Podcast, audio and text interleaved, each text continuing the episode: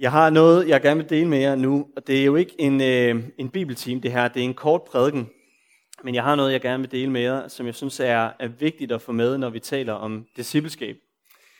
Øh, I går så øh, i den anden time prøvede jeg at komme med en masse konkrete tips, en masse, nogle tips i hvert fald til, hvordan man kan øh, komme i gang med at dele evangeliet med dem, som ikke tror, dem man færdes iblandt, blandt, hvordan man kan prøve at prioritere sit liv, sådan at man, øh, man tager ansvar for, at man selv skal forvalte sit liv, og at øh, man lader det, øh, det vigtigste fylde i det liv, vi lever.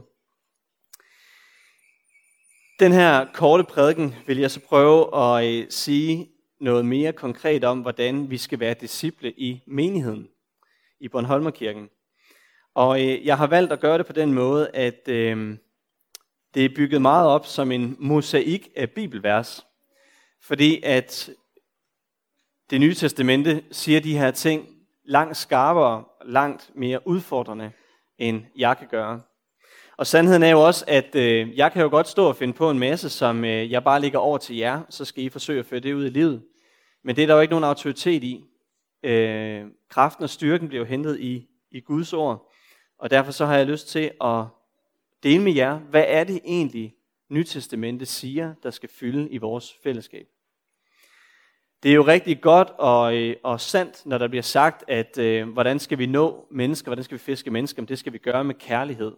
Men hvad i verden betyder det egentlig? Hvad betyder det egentlig at nå mennesker med kærlighed? Nytestamentet har faktisk mange udfordrende ord til os, som jeg tror, det er godt at lige at bruge som en trampolin ud i virkeligheden her på kanten af lejren. Hvad er det egentlig, vi skal tage med? Hvad er det egentlig, der skal fylde i vores fællesskab fremover? Lad mig lige starte med at bede, og så øh, kaster vi os over det her. Jesus, tak fordi vi må fejre din død og opstandelse her søndag formiddag. Tak fordi vi må være samlet i et fællesskab, der ønsker at tilhøre dig og lovprise dig og følge efter dig. Far, øh, du ved, hvad vi hver især sidder med, om vi er trætte, eller er ved at være helt fyldt op, eller er begyndt at tænke på hverdagen i morgen, eller hvad der end er i os. Vi beder om, at du nu må tale lige ind i vores virkelighed. At du må vise os, hvem du er, og hvad du kalder os til at gøre for dig. Det beder vi dig om i dit eget navn. Amen. Måske er det lidt mærkeligt at starte, så at sige, tredje time med det, men øh, hvad betyder det egentlig at være en disciple?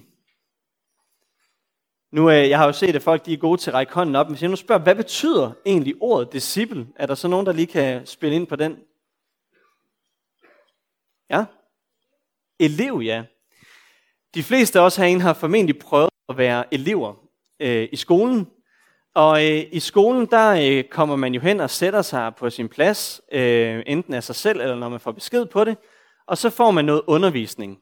Det vil sige, at øh, der sidder en lærer op, ved, øh, op foran, eller står op og forsøger at lære noget videre. Det kan være, hvordan man regner og laver matematik, eller hvordan man skal læse et eller andet H.C. Andersen, eller hvordan man lærer at tale tysk, eller hvordan molekyler fungerer i biologi, eller whatever det nu kan være. Og øh, er man så en dygtig elev, så kommer man til eksamen eller en prøve på et tidspunkt og bliver bedt om at svare på spørgsmål, der viser, om man har forstået det, læreren sagde. Hvis man gør det, så får man en høj karakter, eller et slik af sine forældre, eller hvad man nu gør, og så er man en dygtig elev. Så er man en dygtig disciple. Er det sådan, det er at være en disciple af Jesus? At øh, vi holder en masse bibeltimer og en masse prædikner, og så skal vi gerne have fyldt hovedet op, og hvis vi så lavede en PISA-test her bagefter i discipleskab, hvor højt vil I så score på den? Vil I så være dygtige disciple?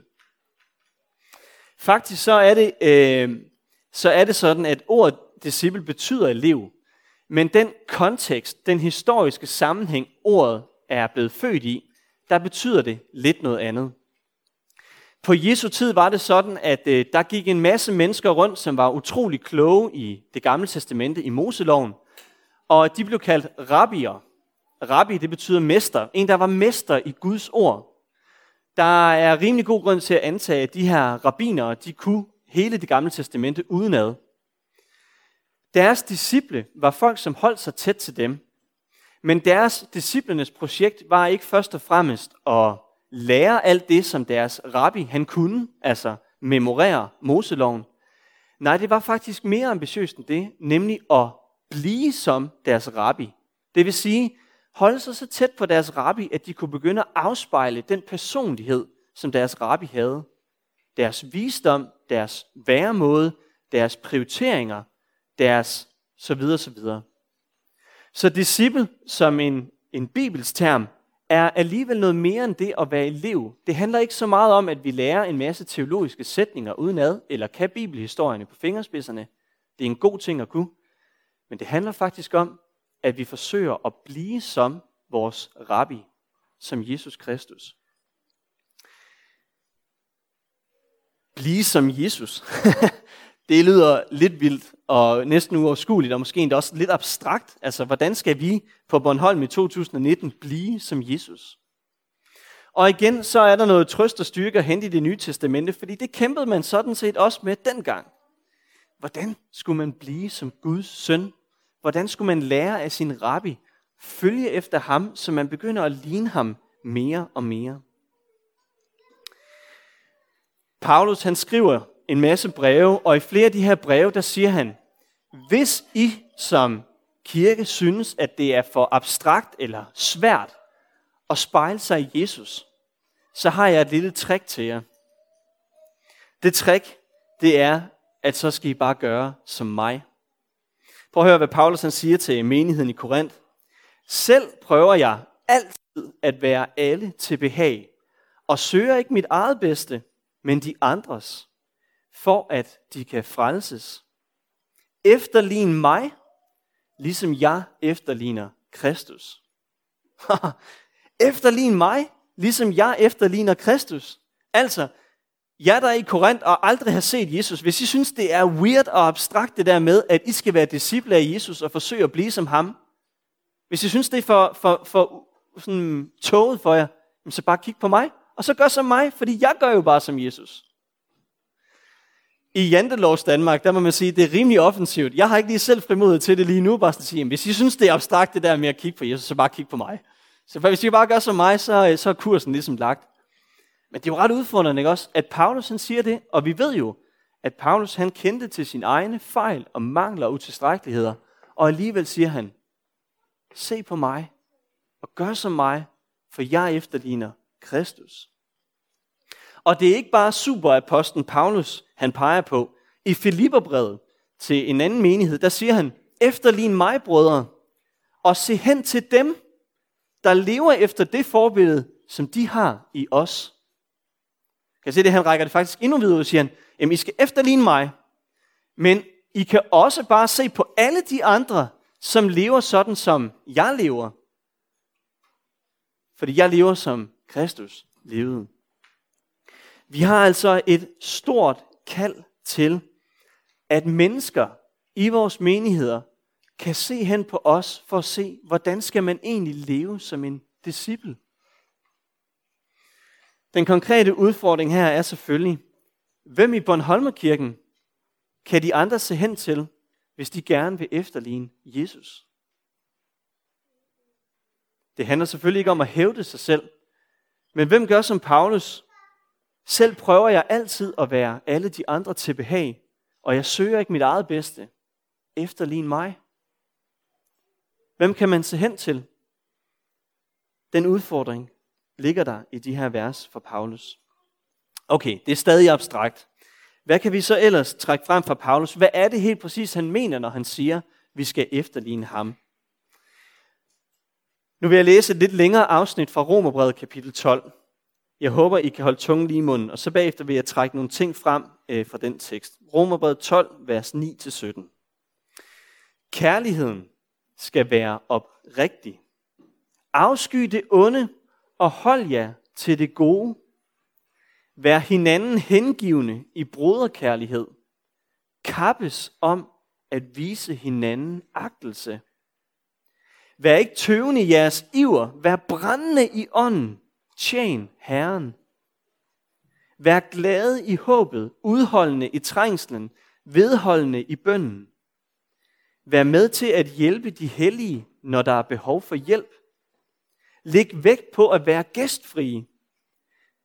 Velsign dem, der forfølger jer. Velsign og forband ikke. Glæd jer med de glade, græd med de grædende. Hold sammen i enighed. Stræb ikke efter det høje, men hold jer til det lave, og stol ikke på jeres egen klogskab. Gengæld ikke ondt med ondt. Tænk på, hvad der er rigtigt over for alle mennesker. Nu bliver det rigtig konkret. Kappes om at vise hinanden agtelse. Hvordan kan det se ud i praksis? Slåsser I med hinanden om at få lov at tage opvasken, fordi I ved, at de andre vil blive glade for det? Er det jer, der melder jer til at stå for børnetræf eller børnekirke, fordi I ved, at de andre vil blive lykkelige over, at der var et program for børnene? Er det jer, der melder jer til at gå på gaden og missionere, fordi jeres kirke, som vi hørte om i går aftes til vidensbyrd, faktisk har godt af at være ude i mission? Kappes I om at vise hinanden agtelse? Vær ikke tøvende i jeres iver over for hinanden, siger Paulus, for det afspejler, hvor brændende I er i ånden. Læg vægt på at være gæstfrie, siger han. Fordi det, at man åbner sit hjem for andre mennesker, afspejler, at man også åbner sit hjerte for dem. Er I gæstfrie over for hinanden? Hold sammen i enighed. Lad ikke småting splitte jer. Paulus siger et andet sted, at vi skal holde fred med alle mennesker, om det står til os. Mennesker er besværlige, og mennesker er syndere, og der kan komme situationer, hvor det ikke er muligt at være sammen i enighed, og hvor det mest kloge er faktisk at stoppe med at have et fællesskab med hinanden. Men Paulus siger, vi skal strække os som kristne så langt vi kan for, at den enighed bliver bevaret. Vi skal holde fred med hinanden. Og så videre, så videre. Paulus han ligger det virkelig hen til os at sige, hvad er det, der betyder noget for dig i dit liv, hvis du lever dit liv i lyset af, at du gerne vil leve som Jesus. Filipperbrevet kapitel 2, vers 3-5. Der skriver Paulus, gør intet af selviskhed og heller ikke af indbilskhed, men sæt i ydmyghed de andre højere end jer selv. Tænk ikke hver især på jeres eget, men tænk alle også på de andres vel. I skal have det sind over for hinanden, som var i Jesus Kristus. Dengang jeg var øh, teenager, der gik vi med de der øh, farvestrålende armbånd, what would Jesus do? Og det er jo blevet sådan lidt en kliché. Men er det ikke det, Paulus spørger os om her? Hvis nu Jesus var i det her rum nu, fysisk til stede, hvad vil han så gøre?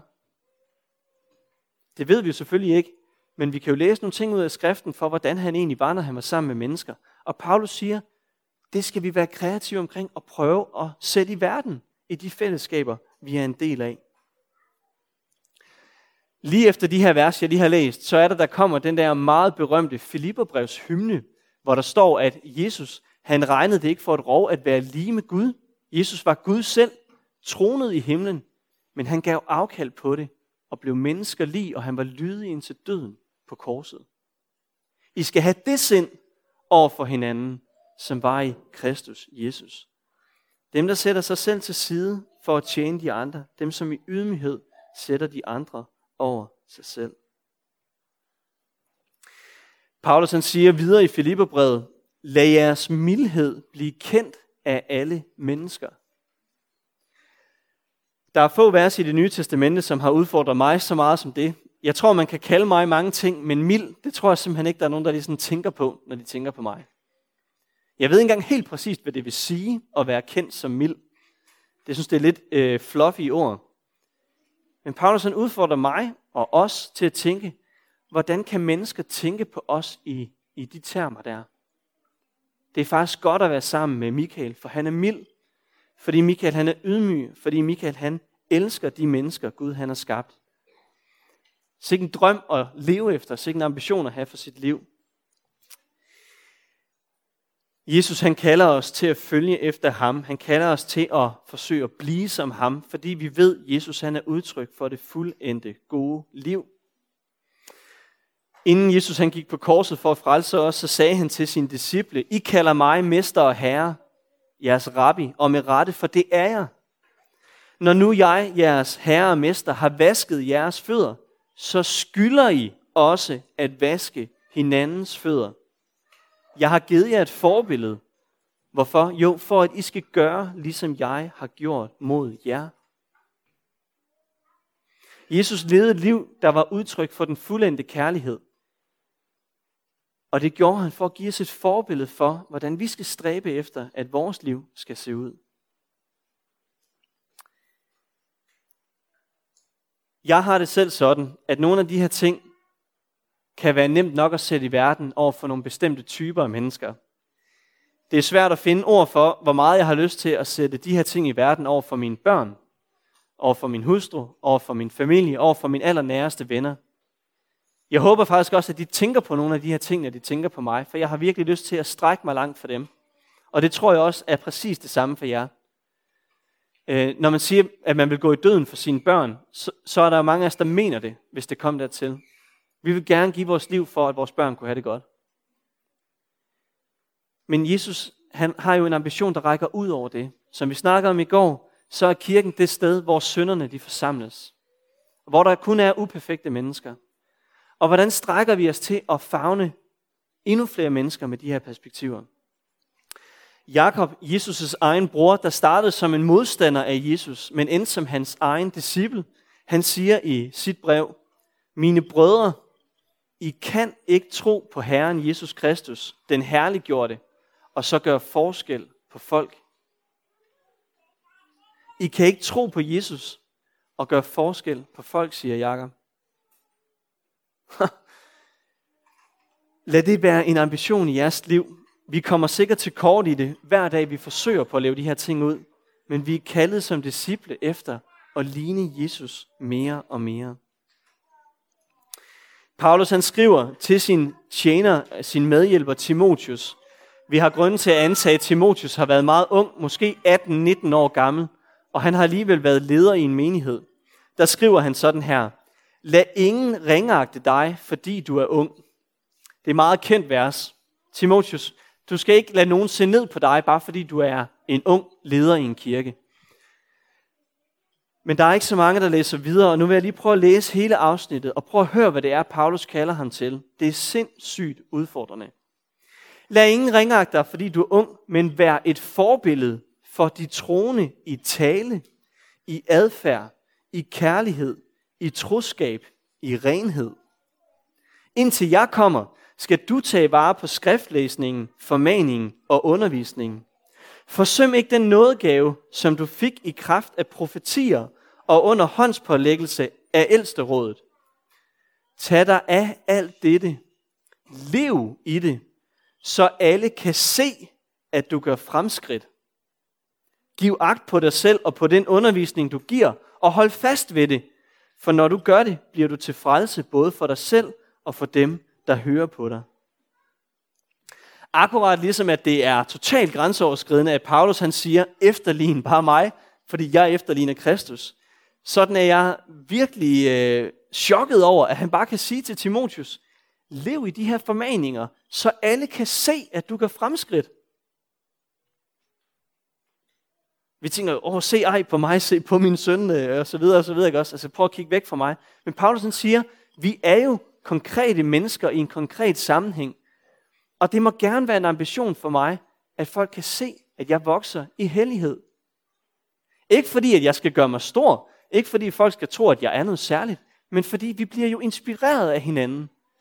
Vi bliver opmuntret af at se hinanden vokse i hellighed. Vi bliver simpelthen opmuntret til discipleskab ved at se, hvordan andre lever som disciple. Vær et forbillede for hinanden i gode gerninger. Lev i det, så alle kan se, at I gør fremskridt. Og jeg kunne blive ved med at hive de her udfordrende bibelvers frem. Jeg tror, I er ved at fange pointen. Nytestamentet har en ambition for den kristnes liv.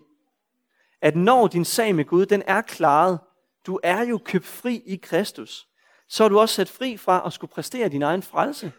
Du er sat fri fra at skulle præstere din egen retfærdighed over for Gud. Du er faktisk også sat fri fra at skulle præstere dit eget, din egen selvrealisering. Du er, som du er, skabt som du er, og Gud ønsker at bruge dig. Og med den frihed, ryggen fri, der bliver vi nu kastet ud i livet. og bliver opmuntret til at leve sådan, som Jesus levede. For at styrke og opmuntre hinanden på vejen hjem til Gud, for at flere mennesker må opleve, hvor godt det er at bo hos Jesus. Vi er sat fri til at være noget for dem, vi er sat i blandt. Det er drømmen for vores liv, når vi er i Kristus Jesus. Og nu har jeg brugt 30 sekunder for meget, så jeg vil bare sige Guds velsignelse over den gave og opgave. Og så håber jeg bare, at I vil se det som en opmundring. Fordi det er på baggrund af den frihed, vi har vundet i Kristus, at Paulus og Jesus og Jakob taler om alle de her ting. Lad os bede om frimodighed fra Gud til at leve det ud. Jesus, tak fordi du har købt os fri, og tak fordi vi i den frihed må leve et liv, der er til din ære og til gavn og glæde for andre. Jesus, du kender også vores hjerter. Du ved, vi er egoister, der søger vores eget. Og vi beder alligevel om, at du ind i vores hjerter må virke din kærlighed til andre mennesker, så vi tager det på os, at vi er sat i den her verden af dig, for at sprede din kærlighed og din nåde ud blandt mennesker. Og det beder jeg dig også for Bornholmerkirken om, at du må velsigne hver en her, så de kappes om at vise hinanden agtelse og i ydmyghed sætter hinanden over sig selv. Far, det beder vi jo, for at dit navn må blive herliggjort i vores midte. I dit mægtige og evige navn. Amen.